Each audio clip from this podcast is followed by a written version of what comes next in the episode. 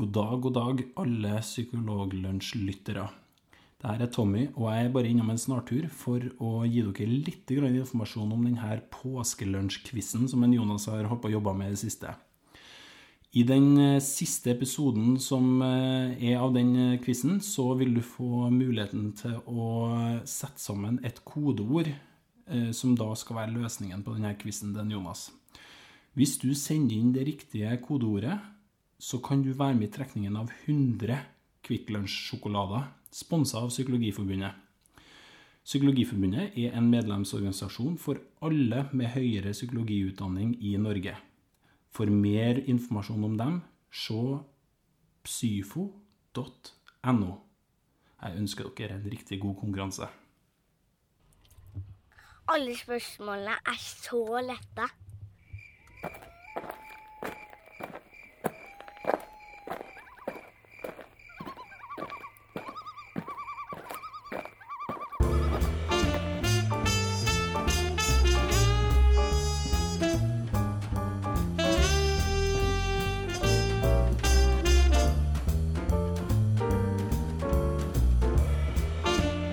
Kjære lytter, sett deg ned i stolen og gjør klar for påskelunsjquiz.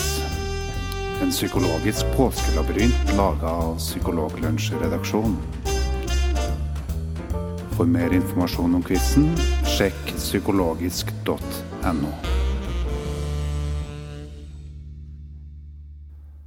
Men først vil vår mentor Roger Hagen ved Psykologisk institutt på NTNU gi oss litt mer informasjon om den personen vi møtte i forrige episode.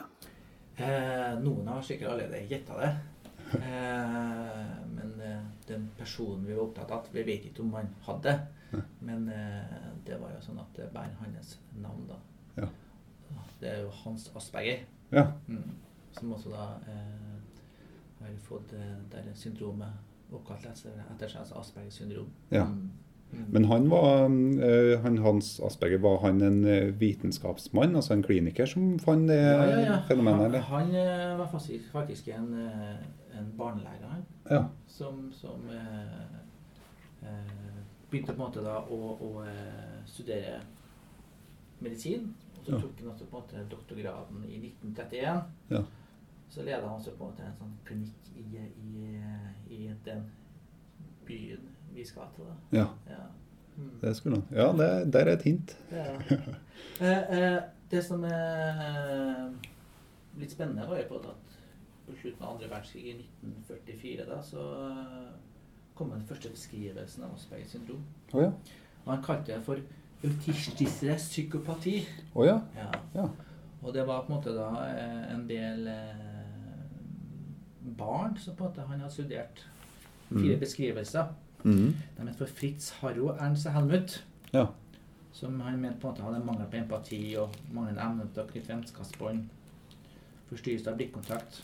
Det Intensiv beskjeftigelse med ulike ting. Til som nesten er noe beskrevet i, i diagno- diagno- diagnosemanualen i dag i dag, som på en måte da kjennetegner dette syndromet. Ja. Man kalte ham for Kleiner-professoren. Oh, ja. Ja. Ja. Det var liksom det navnet han satt på. Da. Så det var egentlig små barn som hadde Som kunne Da kan jeg jo se for meg et lite barn som kan masse om det man spør barnet om, eller det Mm. barnet er interessert i. da. Mm. Vil jeg jo se for meg hvis det er Kleine på professoren. Ja, ja, ja. Eh, så det har jo vært, det har veldig, vært veldig mye forskning om, om Aspergers syndrom. Mm. Det som kanskje har vært sånn ille før, var jo på en måte at, eh, at man hadde ikke noe særlig kjennskap eh, til, Mm. til det her problemområdet. Nei. Veldig veldig mange blir jo feildiagnostisert og behandla som Ja. mennesker med schizofreni og kom opp og Fikk eh, ulike medisiner for det, og så Ja. på en måte lidd veldig mye under det da, av feilbehandling. Ja. Og det som er veldig fint, er at tror jeg på en måte at det kommer mye mer kunnskap om det. Mm. Eh, klinikere er flinkere til å fange det opp Mm. og gi dem på en måte den behandlinga og den hjelpen som måte de skal ha. da. Ja. Det er ikke noe som på en måte omhandler å, å behandle det bort, for at Asperger det er jo en eh, del av det å være menneske, tenker jeg. Mm. men det å på en måte da sørge for at de skal få gode rammer på, rundt seg og ha et Ja. godt liv, det tror jeg er Der har det skjedd veldig mye bra. Ja, sant. Mm. Trygghet og forutsigbarhet og, og en eh, I hvert fall sånn fra en klinisk hverdag så er jo, er jo, har jeg hatt en del pasienter hvor, hvor vi har endt opp med det som diagnose. og da har jo det vært en sånn aha-opplevelse ofte, for, eh, for, for jeg jobber med voksne. Mm.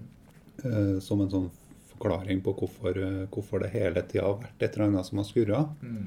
Og den eh, eh, Og ja, da også fører jo med seg en del aksept for, for at man har slitt med bl.a. det sosiale. da, Mm. Følt seg litt på utsida. Mm. Men samtidig kunne også sette pris på de, faktisk de evnene man har, Mm. som kanskje, kanskje andre ikke nødvendigvis har. Mm. Evnene til å være utholden rundt et tema, f.eks. Ja, det er mange gode eksempler eh, i forhold til folk som har fått kanalisert energien sin Ja. inn i noe og gjort eh, veldig mye bra. Både på det vitenskapelige og på mange andre områder. Ja. Mm. Så det å ha en asperger det er ikke forbundet med å ha et veldig dårlig liv. Nei. Hvis ting blir lagt til rette, så tror jeg på at man kunne ha, eh, ha det ganske bra. Ja. Og noen kommer veldig, veldig langt. For dem som du har, som de har så utholdenhet og energi til å på med noe og fordype seg i noe som vi andre mennesker ikke klarer. da. Sant? Vi blir rett og slett sliten og lei av det. Absolutt. Mm.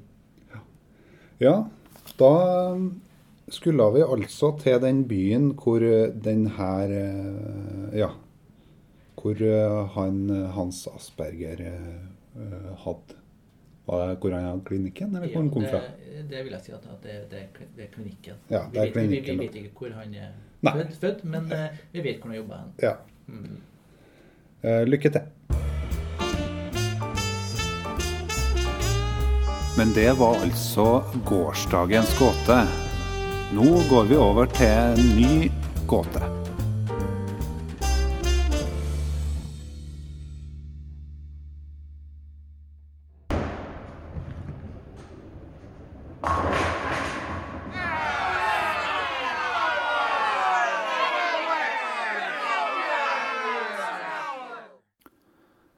Etter å ha slått den lokale østerrikske eh, mesteren i bowling, eh, så er du ikke lenger en ønska person i Østerrike.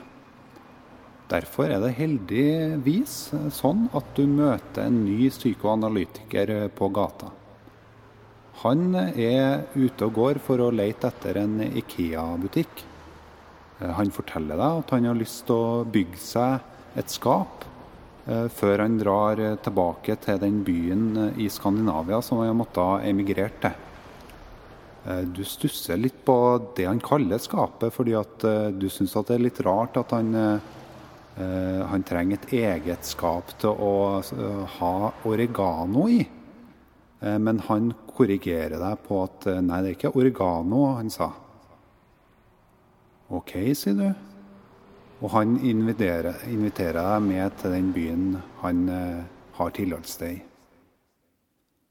Hvor er det vi skal hen? Ja, det var altså siste gåta i denne påskelunsjquizen. I morgen får du litt ekstra hint rundt eh, denne personen som vi skulle ha fram til nå, og det stedet han eh, hadde tilholdssted i. I morgen får du også instruksen til å finne fram det kodeordet som vi ønsker for at du skal være med i trekninga av en god dose Kvikk Lunsj. Vi høres i morgen.